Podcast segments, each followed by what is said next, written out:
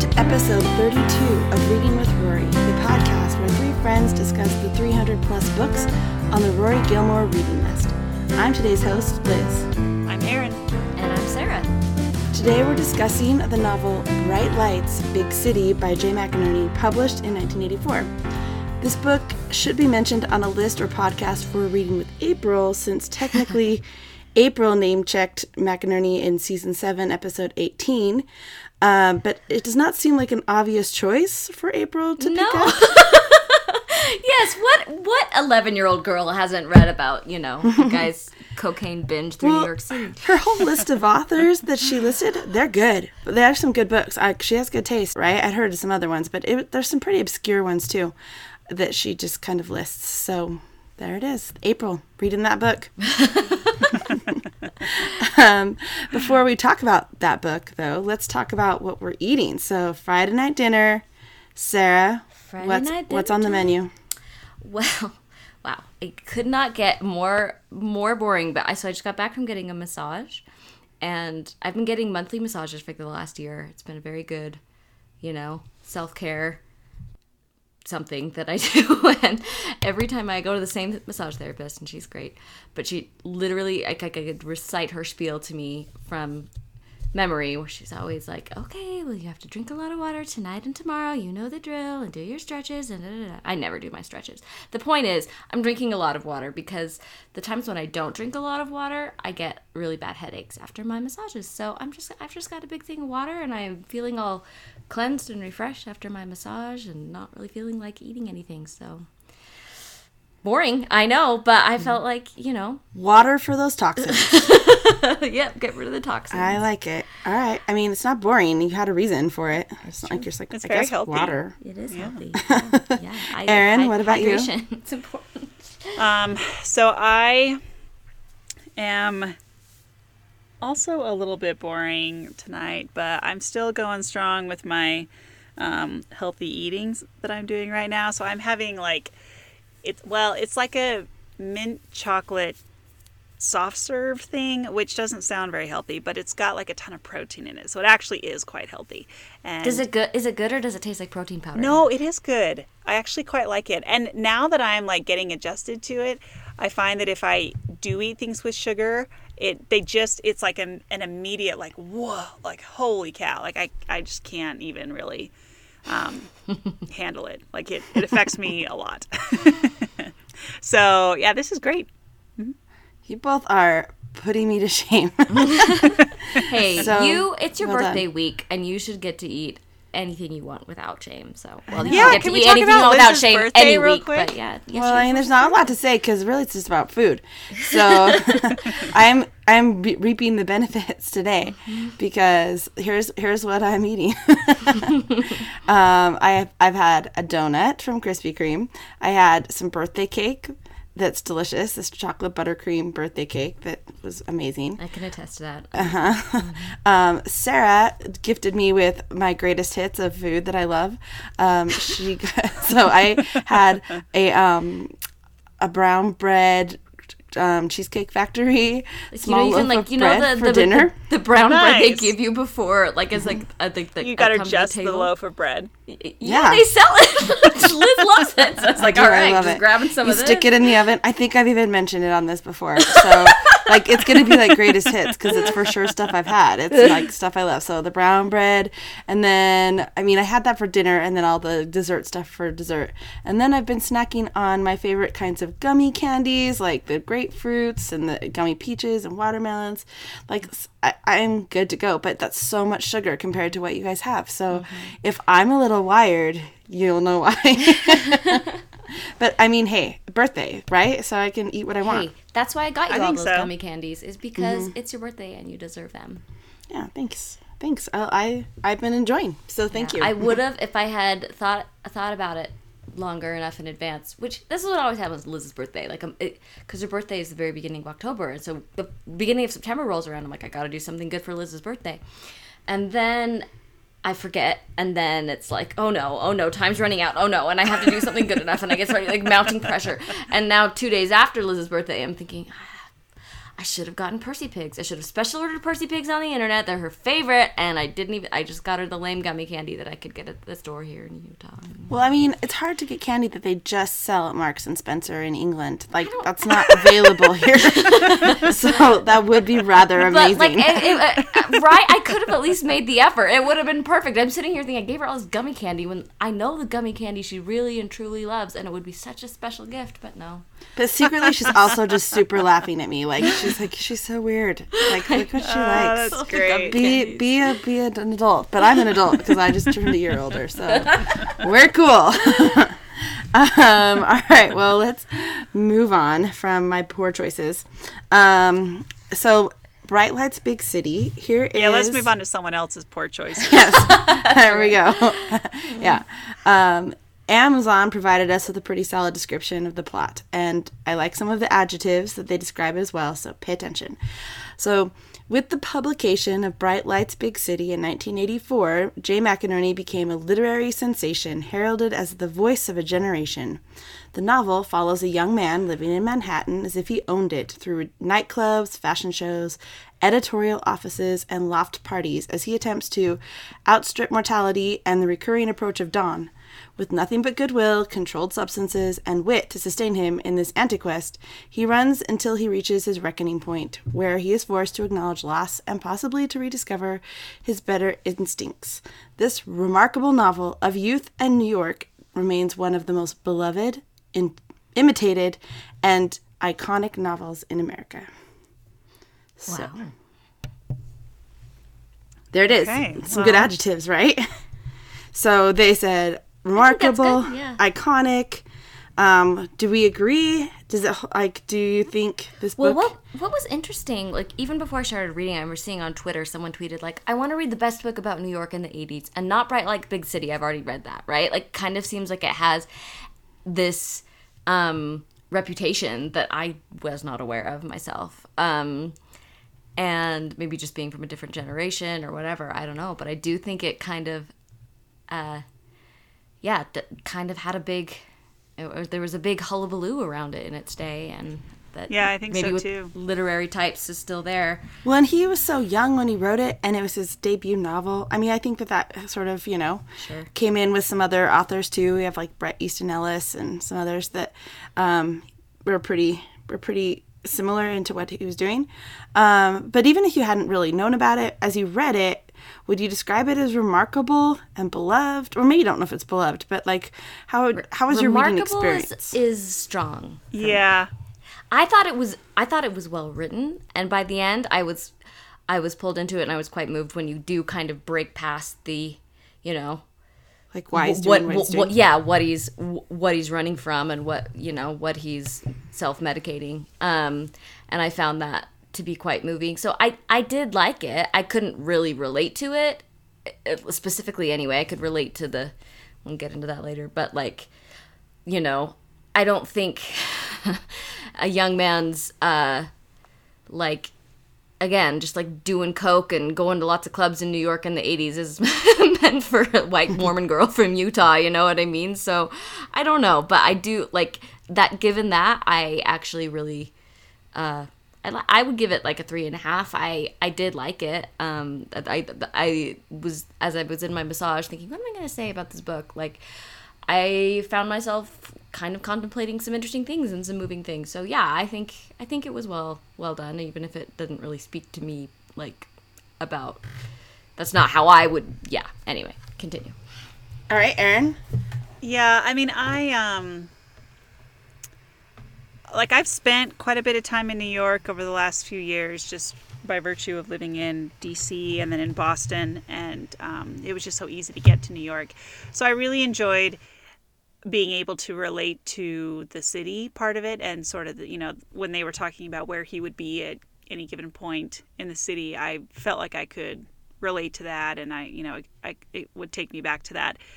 Um, I did think the ending was very moving, and once you learned more about, like Sarah said, what you once you learn more about like his motivations and what he was running from and kind of dealing with, then I found it very, um, I found that very compel- compelling. The rest of the book, I don't know. I just, I sure it was well written, I just okay. That's really all I have to say. What would you rate it? Did you give it a rating? I mean, I would rate it. I would probably rate it a three. Like I thought it was fine. I didn't dislike it. I didn't love it. I didn't even particularly like it all that well. Yeah. Um, but I thought it was, you know, relatively interesting. I got a, a little tired of just being like, all right, we're so we're basically we're gonna go from club to club, doing drugs the whole time. Okay, which I think is why I appreciated the ending and once you actually got to know more about what was going on inside of him. Um, because up until that point, it just I was like, I don't understand where this is going, and where like why why we're still doing this unless it's just a discourse on nightlife in New York, which you know is a subject in and of itself. But um, yeah, so uh, yeah, I didn't really have any problems with it. I like I said, I didn't dislike it. I you know just it was fine. Okay. You're just there. You you read it. Yeah, it was just there. Okay. I liked the book actually. I thought I mean, I don't know that I'd give it a high ranking. I would say maybe a 4, maybe. Um well, so what I liked about it was I just like the unique kind of uh, um, slice of life that it showed um, about New York in that time period. And I think it's not new to us because it's like, oh, that's been seen and done and stuff before. But I think when it came out, that was relatively um, interesting to kind of look at. It came from, you know, this like um, debut up and coming author, and he was just showing this like life that he actually and probably himself like biographically experienced, and so it was just kind of Did he uh, work? I assume that the magazine that the character works for is like supposed to be a, you know, a thing in Well, the he New worked as a fact he- checker for the New Yorker. Yeah. So yeah, it's supposed to. Mm-hmm. So that's what that is, right? He's working in Yeah. fa- as a as a what fact verificationist? Is that what they call it? Yeah. At, a, Yeah, at a fancy New York Factual magazine. Yeah. Yeah, yeah, yeah. And, And I'm like, I oh, just like the obviously the stuff- New Yorker. Yeah, I like these, the stuff in the literary magazine. giants. Mm-hmm. Yeah. like all the kinds of like publishing kind of tidbits that they were dropping in there. I just thought they were kind of And I guess that's how I could see it being like. It's interesting that it's in the show is referenced by April because I could see it like with Rory and her aspirations to be a journalist. Like that was always kind of how I tied it in. So it's in, anyway like him as this young aspiring writer and journalist and uh and I yeah I like that element of it too. yeah. I mean, there was other parts that I mean, I kind of like how the clues were dropped and like unveiled, like his relationship with his brother and his mom and all of that kind of towards the end. But that you didn't see that at first, and so you kind of just see him in a like negative light at first, and then it comes out differently as you read and learn more about him. And I just thought that was an interesting way to show a character. So, yeah, I would say I'd say I'd give it a four, a four. Um, All right, that's So yeah, I that's can live with that. that's I- fair. but I agree, like just like the structure of it, right? Where you don't necessarily understand any of his motivations until the end and kind of sets it all in a different perspective and yeah, I thought that was an interesting Yeah. an, an interesting tack. Well, and I think one thing we all three mentioned was the fact that it was this New York setting. Um, I love when the setting becomes almost like a character in the book, right? It's so important. Like they just reference all these places all over the city, and he is just definitely showing this Manhattan fast lane lifestyle. But when he, I was reading an interview that he gave in Time magazine um, after, like 25 years after he wrote it. And he said when his publisher told him that people didn't care about New York and that none of the great American novels had been set in the city, it kind of shows like how What he really did. Gatsby? Well, Great Gatsby, I guess, was in Long that was- Island. That didn't Yeah, that's count. not really Well, the but there are like really important parts set in the city. I feel Yeah. like that still counts. Anyways, mm-hmm. continue.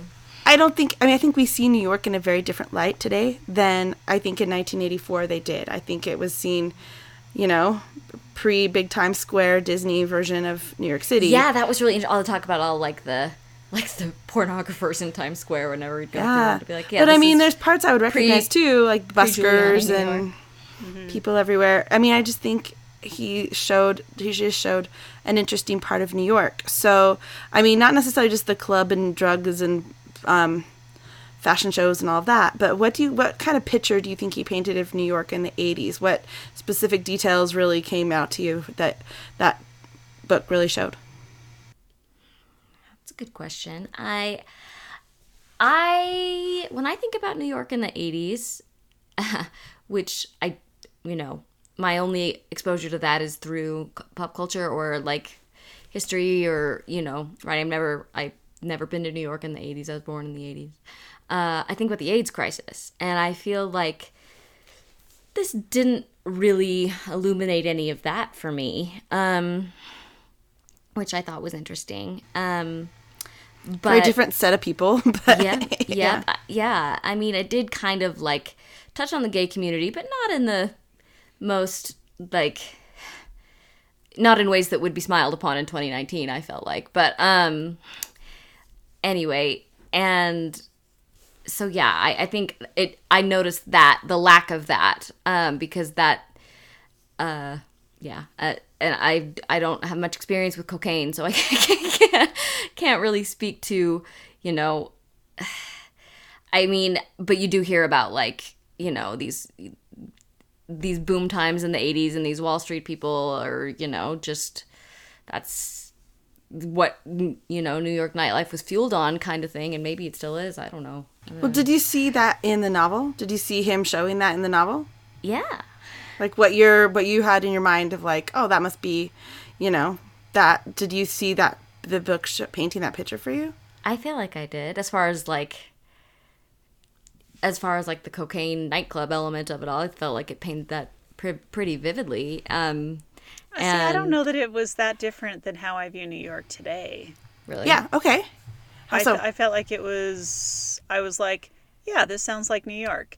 I mean, there were a few things that drove me crazy, like you know when the guy's like, "Hey, you want to buy a ferret?" and he's like, "Sure, how much?" And then the guy, you know, a different guy's like, "Hey, you want to buy some, you know, Bolivian m- marching powder?" Marching powder, whatever?" yeah. And he's like, "Sure, how much?" And I'm like, "Do you?" What is wrong with you? Like, do you not understand that you say no to these things? Like, and you know, and then he would barter the price down, and I'm and and the whole time, and the watch, right? And he's like buying the watch, and the whole time, he knows that this is a total ripoff and total scam, but he's doing it anyway. And I'm like, what is wrong with you? It like that drove me crazy. It drove me crazy. yeah, I don't know. I thought like as far as like New York, and again, I am the last person to be speaking with any kind of authority on this. I've never been to New York. but that's okay. You don't have to like Wait, been there. what? no, I never have. We're going next year. Oh, Hooray! Sarah. I know. Sorry. I mean, that's fine. That's many people have not been to New York. I would love to. The opportunity has not afforded itself for me yet, but I feel like I've lived a full life. Okay, Anyways, we'll, we'll have a longer conversation before you go next year. okay. But um, Um, but I was gonna say, like, from everything I've read and understood, like, there's kind of like this idea of like the Disneyfication of New York, right? Like, it's they, it got really cleaned up and it's a lot more like tourist friendly and it's much safer now than I think it was in the 80s. And um, so I I felt like it was this window into a pre whatever New York is now kind of age. Like I'm sure there's elements of it that are still the same, but it did kind of seem a little seedier than you think of New York as being now.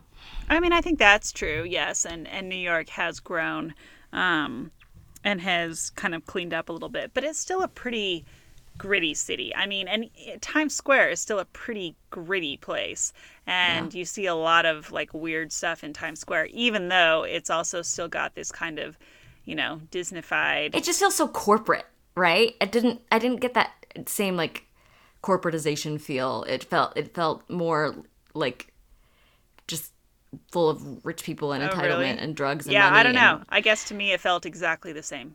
and that's interesting because you have spent significant time there and i never have that's just from my understanding of new york now versus then that was kind of it, maybe i was looking for those things you know I mean, my understanding of New York from the 80s was based on Crocodile Dundee 2 in the city.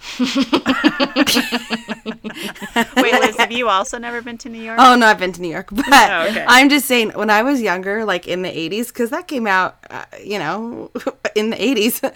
And when that came out, I it showed him like walking around the city on the subway platforms, and it showed people trying to sell him drugs, and it showed you know like Colombian drug dealers, and I mean, it wasn't like that's what I thought New York City was like, but like it was this weird glimpse into kind of a seedier, not and seedy's not the word, but just these elements of um, money and drugs and things like that that were in the big city that he didn't have to worry about when he was in Australia because it's crocodile Dundee or like in Three Men and a Baby when the when the they were you know selling drugs. I just kind of had this like weird perception of drug use in connection to that.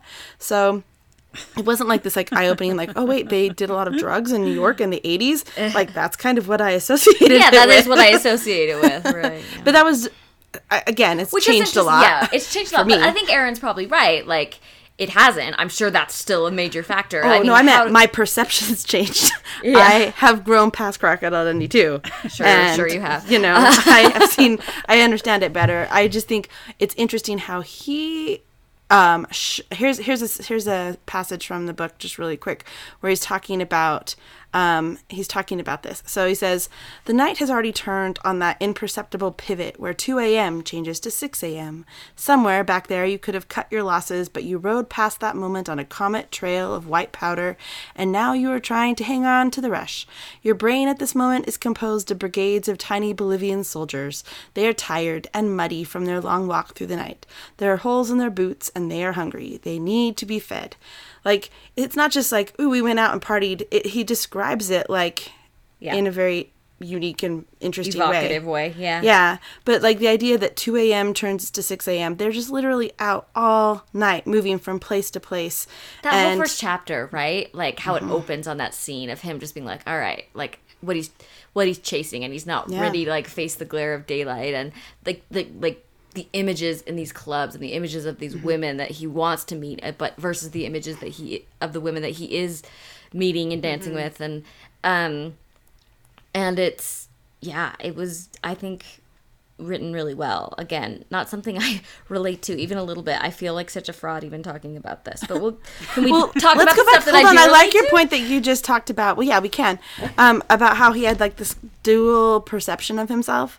Like here he is, like you know, doing like at this club, and everyone around him he doesn't like, and this is not what he wants in his life, and he's just so dissatisfied. There just seemed to be like two sides to him that he could never really mesh together. He wanted to go to like art openings, and then he would be Yeah, how he like, pictured himself as the kind of person that liked to stay home and read a book at night, or Yeah. or you know that they you know the goes to brunch with a woman that plays tennis, and uh, just Yeah. Yeah, this, this like- yuppie dream of New York. Yeah, yeah. Well, and what's interesting is that, like, again, like, ha- I mean, I don't think this is specific to the East Coast, but being on the East Coast, I felt like I saw plenty of this where, and I, I'm I'm stereotyping and generalizing a little bit here. I recognize that, so don't hate me, everyone. But, um, but there's a certain element of, of peer pressure and of like living this big flashy lifestyle like you you go to the east coast and you expect that everyone else is living that and so you kind of expect that you also should be living that and it's fun it's flashy it's exciting but it's also completely exhausting and there were times when I would be talking to fellow classmates at um, in at school, and they'd say things like, "Oh gosh, you know, I'm so tired of all the happy hours that they throw. I don't want to. I don't want to drink this much alcohol." But yet they'd go and do it anyway, and it's because that's what everybody else is doing, and that was kind of what was expected. And you wanted to be seen, and you wanted to be there, and it was fun, and you know, and again, like flashy and big, but totally unsustainable. Yeah. And so I, I felt like that was very accurately reflected in what he was doing. He it, it's this dual personality thing. He wanted to live one life, but he was actually living another life. And But he was also 25. yeah, well, know? yeah, yeah. I mean, uh, and and as people age, as you get older, you kind of naturally. Um, you know, shift away from that a little bit partly because you just don't have the physical stamina stamina to keep doing it. But um, but it is interesting how how that dual personality thing that's a very real dilemma that you face especially when you're in those big cities Yeah. I can see it. And I thought they showed it well, right? Like he's he couldn't do his job well. He wasn't happy or effective there. It was just like doing it was just taking over his like ennui of his life. Well, that's what I wanted to kind of talk about, right? Okay. As far as like what I did relate to, which wasn't the New Yorkness of it all or the cocaine of it all, but um but how he is hiding like or avoiding feeling his feelings, right? So spoiler to the to the listener if you don't want to be spoiled. Um turn it off now, but I'm going to his mother had died uh like a year before the events in this book and then like he he talked but he also was talking a lot about how his wife left him. And it's it's kind of gen- you know put together in pieces toward the end that what he's it's like unprocessed grief over the death of his mother that he's just hiding from that he's that he's distracting himself from right? Like i think he actually probably liked his job. And was well suited to his job sort of kind of maybe not well suited but like it was a good place for him to be. He could do it well and it was a good stepping stone for him maybe to go on to become the writer he wanted to be. But he had these feelings that he was too afraid to feel and he didn't let himself just feel the pain. I, mean, I feel like i think about this john green quote a lot and maybe mention it on the podcast a lot. I talk about john green a lot. But right in the fault in our stars where he talks about pain demands to be felt. And i thought about how this whole book was an exercise in this character not acknowledging that he has pain that needs to be felt. And he is going to numb himself from that pain and he is going to do whatever it takes to just not like sit with his feelings and sit with his own thoughts. Like that can't he can't do that and well what's it, what's especially interesting with that um just for interrupt sorry for interrupting real quick but no, it was it was the the true source of the pain that I thought was interesting because he does talk about pain throughout the whole book. He talks about his wife leaving him uh, again, spoiler, and he talks about how although it's not a huge spoiler, but um, but he talks about all the pain associated with his wife leaving him, and that's where the, his whole focus is. And you don't even get a sense of anything relating to his mother until the very, very end of the book. And I thought that was fascinating. right like that was the real source of his pain that he was hiding from right like again he, whatever he was doing and it was kind of like i don't know i don't know i just it just made me think about like the ways in which like i hide from my pain or um and i was even thinking about this again as she's like forgive me if this gets too dumb but like she's giving me this massage right and i carry a lot of tension in my shoulders um, and even though I get a dang massage every month, like there are just these gnarls and knots that she has to work work through, and she's literally like thumb down hard on these knots, and it hurts so much.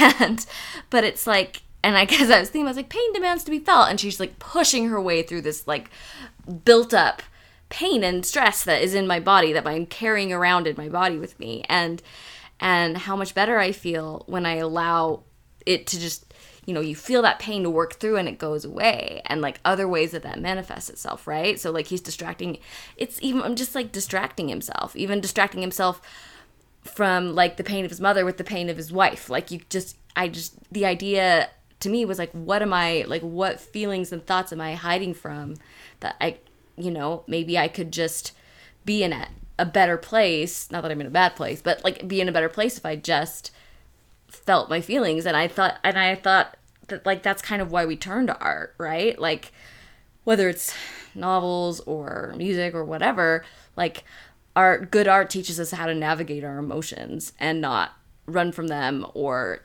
like numb them with substances or whatever right but actually how to kind of work through them and feel that pain and and it just stood out to me that you know that was what he was doing was just hiding from his pain Well, and even his wife leaving, like that was painful for him. But I mean, even at the fashion show, he barely recognized who she was. I mean, uh for probably for other reasons too. Yeah. But like, it wasn't about his wife. I mean, that was secondary to what was the real problem. And so at first you think, is it his job? Nope, it's not that. Is it his wife? Nope, it's not that. So it slowly kind of yeah and there's like one there was one like fleeting reference to his mom early on Yeah. before you got a sense and i remember being like huh that was weird was I, I wonder what's up with his mom like is she around like it makes you um think like something he it's too painful for him to even dwell on. Obviously this novel's in the third person. He's t- that which i No, it's in second person. second person sorry thank you. Um wasn't in the first person is what i'm saying. So it's like he- he's he's narrating it but he's it kind of remaining distant right? Like and and when he kind of touches on the source of his pain, he brushes past it really fast and moves on, and then all of a sudden, it, you know, it does open, come up, and it's only when he opens up that source of pain that he's and, and kind of acknowledges it and recognizes it that maybe he even sees the ability to move forward. Do you think though at the end like he has this resolution that he's going to be better?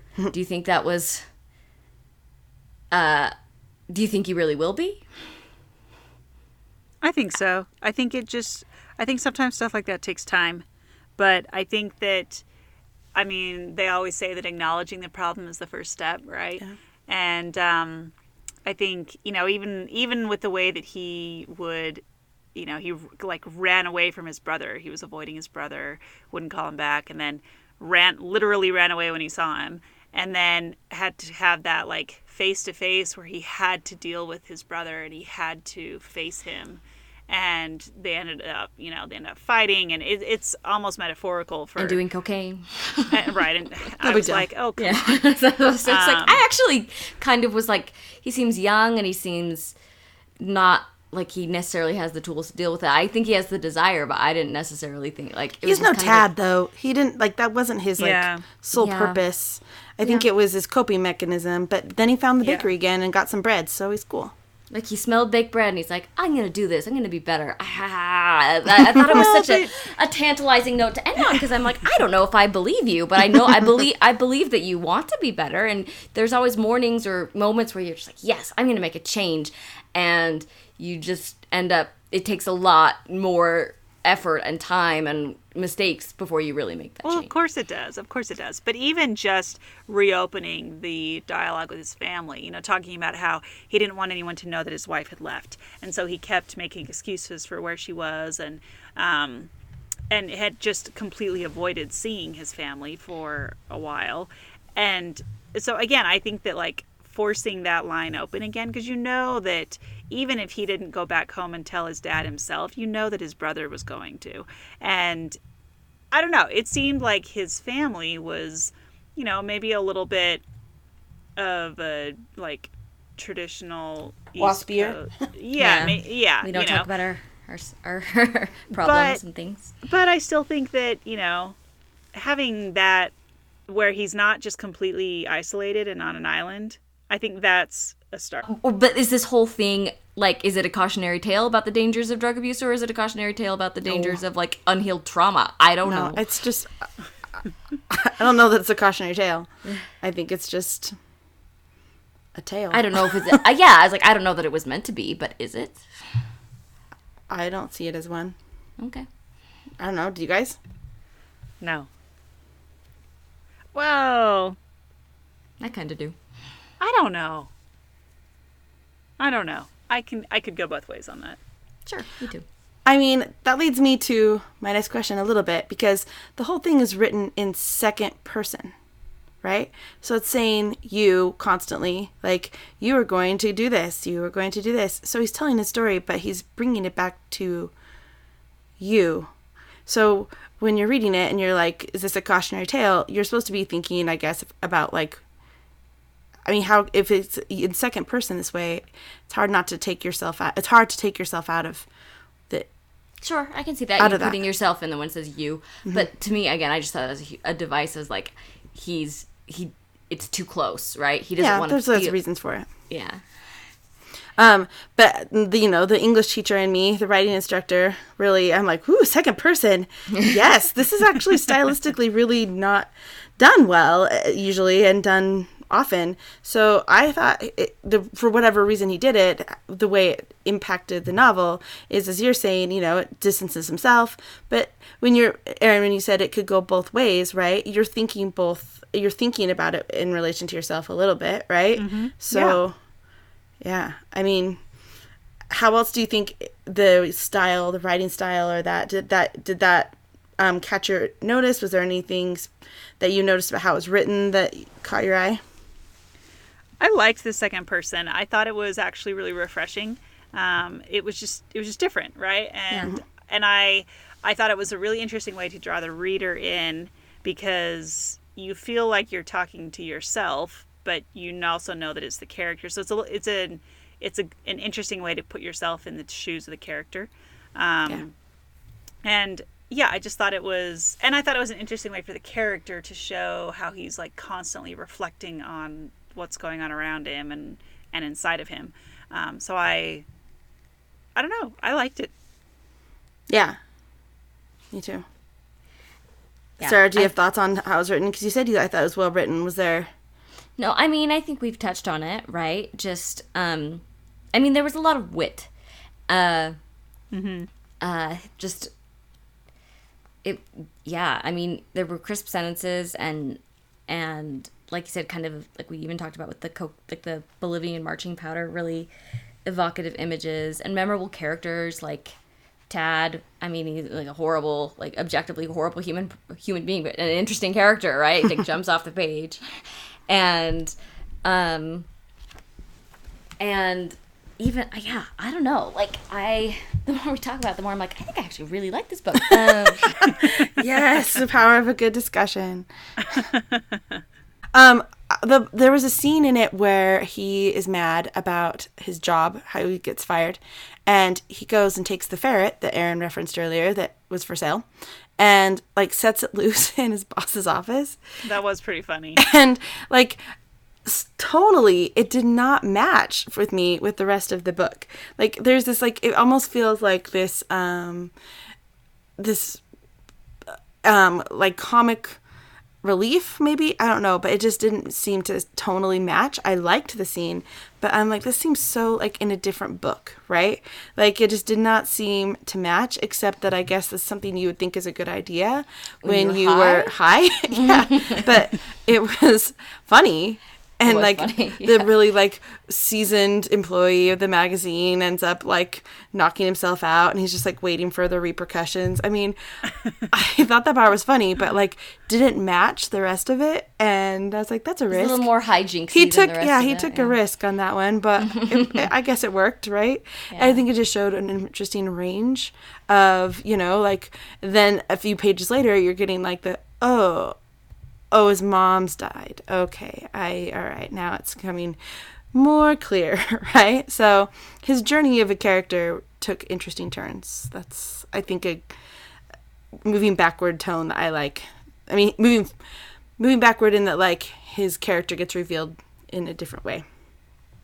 So yeah that's how i felt kind of stylistically about it um, is there anything else that surprised anyone before we move on to our pop pop culture segment I mean, I was surprised that uh, Vicky, uh, Tad's cousin that he got set up with that he really liked, was as like into him as she was, right? Like in the very end when he calls her and he's so upset. And it was like such an interesting just cuz based on like you know, I don't know, his general he just seems kind of like not the most lovable you don't you don't see you don't see this character in a super positive light throughout most of this book and like you're presented with this character of Vicky who just seems so classy and smart and great and and beautiful and and it's kind of like girl you can do better than this guy and like it just really stood out she didn't seem that into him but no, sure. But like, like later when he calls her, and like you can tell that she's like moved. Like she knows this guy is going through something, and she like,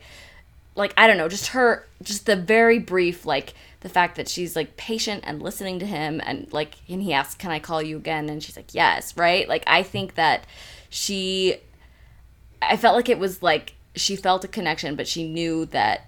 I think it was a window into what he was really suffering. She was kind of like maybe a stand-in for if not the reader, then someone a bit more objective than to see what his real emotional state was and to maybe give him some some sympathy or forgiveness. I don't know. But see, I quite liked their interaction though because I So thought that I. it was a chance. It was a chance for him.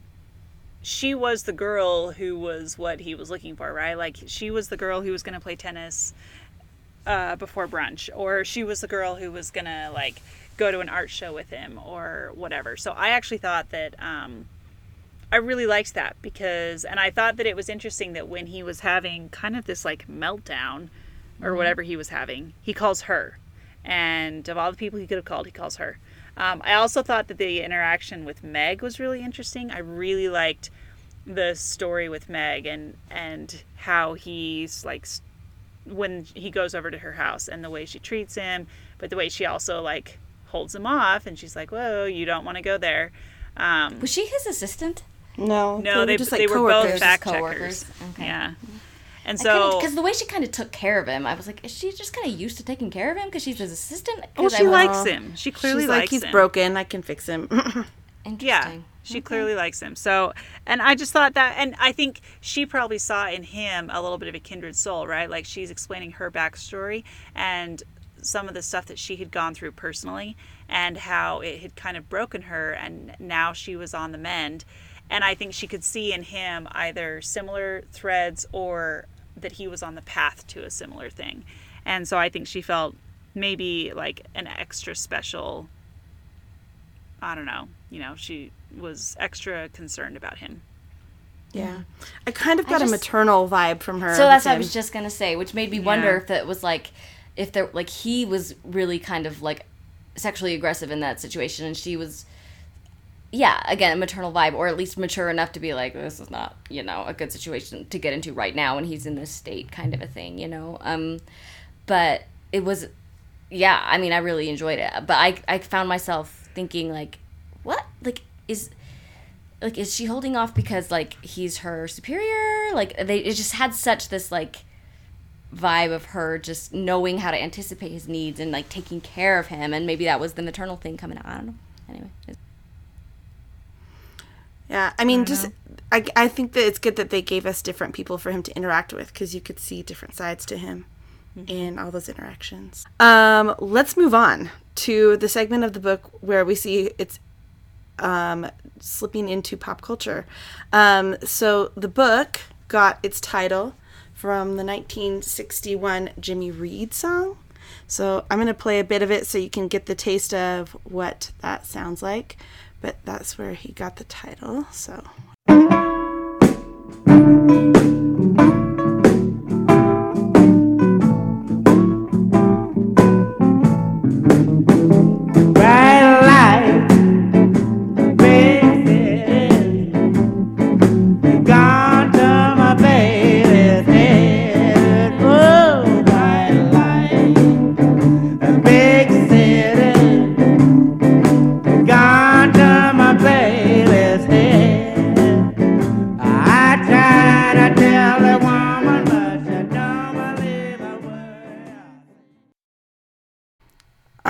so that is the Jimmy got some- Reed song. some some bluesy soul Yeah. to it I love it.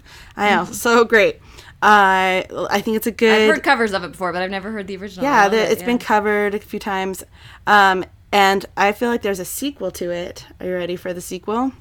Here it is. Yeah. This is CeeLo Oh gosh. with Bright Lights, Bigger City. clever City. It sounds much more like an 80s song to me than Jimmy Reed. You can feel the electricity all in the evening air. And it may just be more of the same. But sometimes wanna go where everyone knows your name. So I guess I'll have to wait and see. But I'm just gonna let something brand new happen to me. And it's alright, alright, it's alright, it's alright,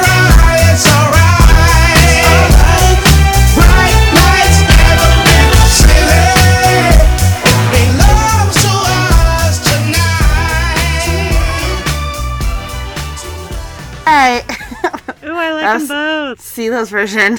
it's fun yeah very 80s i can see it um, I mean, I don't think it came out in the 80s, but it just No, had more of because pop music today sounds like it's Yep, in the 80s pretty yeah. much. but here's the song that really popped in my head like most of the way through the book. All right, this song came out in 1983, so it is an 80s it's song. legit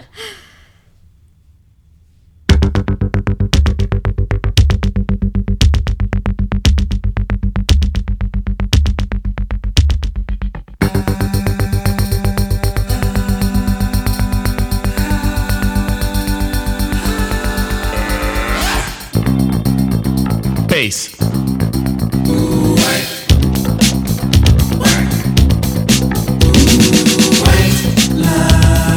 Vision, dreams of passion. And all the while I think of you. A very very strange reaction. The more I see, the more I do. Something like a phenomenon. Baby.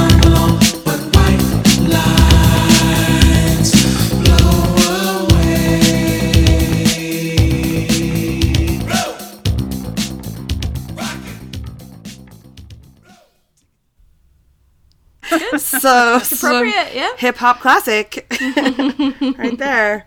Those are Um, good ones. I mean, they didn't reference that song in the book because that would be weird. But um, 1983, that song came out, and it's actually considered like an anti-drug song. So there it is. Um, now, the m- book was adapted into a movie in 1988. Uh, it was Jamie. The role of Jamie was played by Michael J. Fox. So Which is so that surprising. seems weird. Um, it came out right in Nancy Reagan's "Just Say No" era, so they were really like, "What are we going to do?" the do?" studio about was really gun shy about the drugs, yeah. and and about um, Michael J. Fox. yeah, he's like family ties. Alex P. Keaton, he can't do cocaine, so they were really trying to like figure it out. Um, and I guess they scaled it back on the movie or whatever. But um, Tom Cruise supposedly turned down the part because he's like, I don't know about that drug use. I don't know if that shows more of where we're on movies today because I don't see anyone being like, I, I can't do that movie. He's Well, no, because so the what I read about the movie was like because it was like Tom Cruise was going to be in it, and who was going to direct it? It was like Schumacher or something, right? And like they had the rights, and they were like, but they were like waiting on a script, and so like to do research, they're like they they researched like the euphemism was like, they researched the New York club scene, and I'm like, does that just mean they like went around and did cocaine? Together? I mean, that's kind of what it sounds like. Um, but like I get, I what I had read was that he passed because it was taking too long to to for the script to come together because they were Right, They couldn't sure. agree on like the right amount of like how true to the novel to be because of all the drama. Well, and McInerney wrote the screenplay, so I'm sure in the when, when the version that came out, I'm sure you know he's probably like, "Are you serious?" Like, I think that'd be a weird process to be like having to please studio executives and actors that are too wholesome on their sitcoms to yeah, um, right. play your play the role that you are semi autobiographical, right? Sure, or just kind of like it's just so interesting, right? Like the idea of Marty McFly, like in this role, it's so it's it just seems weird to me. Like, and I didn't even realize. Like, I think I when I looked it up, we didn't watch it. I didn't watch it anyway, but um, and we watched the trailer, and I was like, yeah, I get the general idea, and it just it felt uh. I don't know. Like it's interesting, right? Like it was like this big budget adaptation of this like acclaimed novel. It was like a, probably a pretty big deal movie, and it didn't. um I mean, it flopped, and I can't. I just don't see Michael J. Fox in this part. Like it's, he's just too wholesome. Do you see Kiefer Sutherland as Tad? yeah. Phoebe Yes. Cates as maybe. Amanda? I don't know. I don't know that I agree with any of the casting. Although what I do find funny, so any anytime I look at a movie, I, I always look at the parents guide because I think that the parents guide is like the best way to decide if you actually want to see a movie because they'll tell you exactly what goes on in the show. And um, that could be objectionable. And so i think personally it's a better source than the rating system because you can decide if you want to see it or not. But i love this in um, so it gets a severe rating for frightening and intense scenes. And these are the two descriptions that it has. Um, so one of them is flashbacks to um, to the mom who's dying of cancer and then his depression and that's one of the reasons that he drinks and does drugs. So that's one of the frightening and intense scenes. And then the other one uh, says fox has a dream where he talks to bizarre to where he talks to a bizarre looking baby that could creep out of some people. The scene is brief. That is thorough. I mean, it is thorough. okay. Like it would be interesting i don't want to watch it but it'd be interesting to see how how edgy they think they're being yeah in these disturbing scenes i mean maybe i've just watched too much succession in the last few weeks and there's like edgy like lots of drugs yeah i wanted to say this but when cousin gregory talks about cocaine it's like one of the funniest things i've ever heard so it's pretty great okay so there our, lo- He'd our off appreciate that you called him Gregory. So I know. I'm, I'm true. All right. Uh, there was also an off-Broadway musical version in 1999. So I don't know what else to say about that except musical. weird. Okay. Is there any way to like access any of the music? Um, no, I played you White Lines, so we're cool. we got the general idea. I don't know what else you need. um, all right. But here's the pop culture fit that I didn't think about until I read about it. And then I'm like, yes, of course. So, Gossip Girl.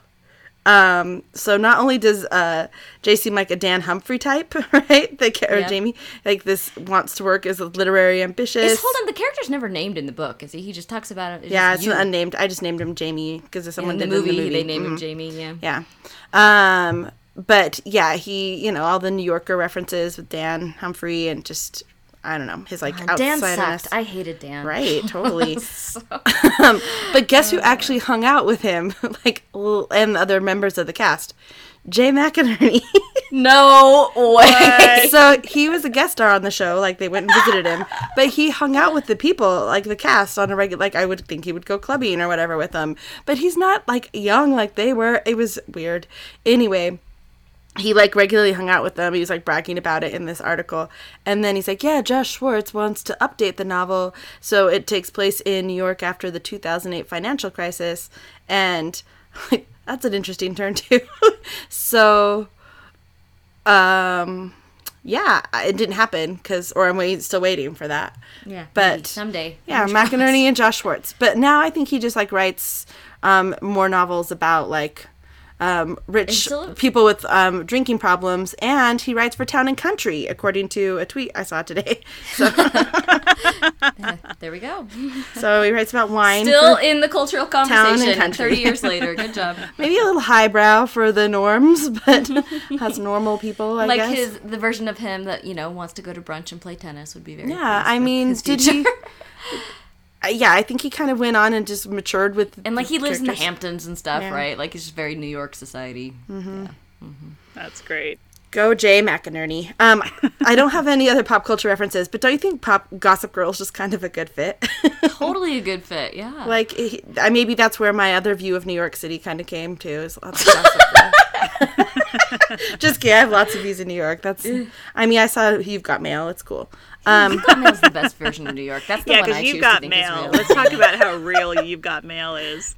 hey, it's real to me, okay? well, no. I mean, Yeah, obviously. she she operates a small independent bookstore, and she lives in what was it, the Upper West Side, in a beautiful brownstone. Uh huh. Okay. Yes. It was a family bookstore. Probably like was like a lot. There was it made a lot of money in my in my imagination. we running can't an go down this independent rabbit hole either. We could go down Succession. means We're that you can make a on lot of money and like any anyways. So- stop ruining all my dreams. Um, so now that we've finished the book, Sarah's inspired to go to New York City, but what else are we inspired to do? Erin? Um, I'm not gonna lie, guys. I didn't really have anything on this one. I mean, I was inspired. Really, the the one thing that stood out to me was don't buy crappy things from people on the street, which is not really a resolution because I don't do that anyway. But it that's just what stayed with me. Okay, Sarah, what did it inspire you to do?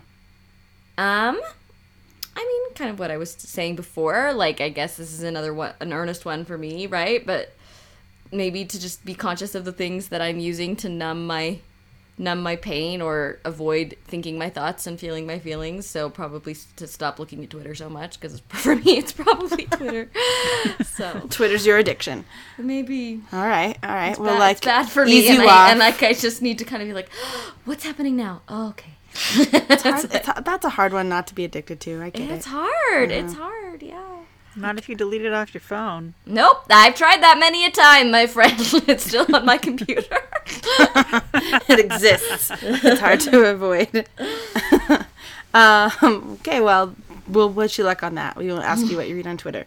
Thank um, My inspiration is not so earnest and also kind of repeating some things I've said in the past. But the first was I was like, I need to read the New Yorker closer to look for wrong facts and be that person that Pendant, like, pendant that calls That it out. in, yeah. that it's like actually um no because uh, just to read their job description was kind of sad and i'm like I thought it was fascinating. i mean not they- it was fascinating but sad that like it was so involved and um it was they just got in trouble for that because people are going to read it and look for that. So And like the people, and like others saying, like the, and the kind of people that read this magazine are the kind of people that would call it out. so I, um, i'm not that kind of person. I'm like oh must be true.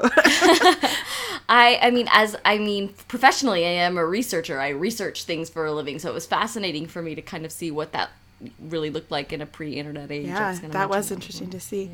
Um, but the other one, as I go down my New Yorker like rabbit hole on this one, but um, I'm excited. I just uh, found out it's on hold for me at the library, so I need to go get it.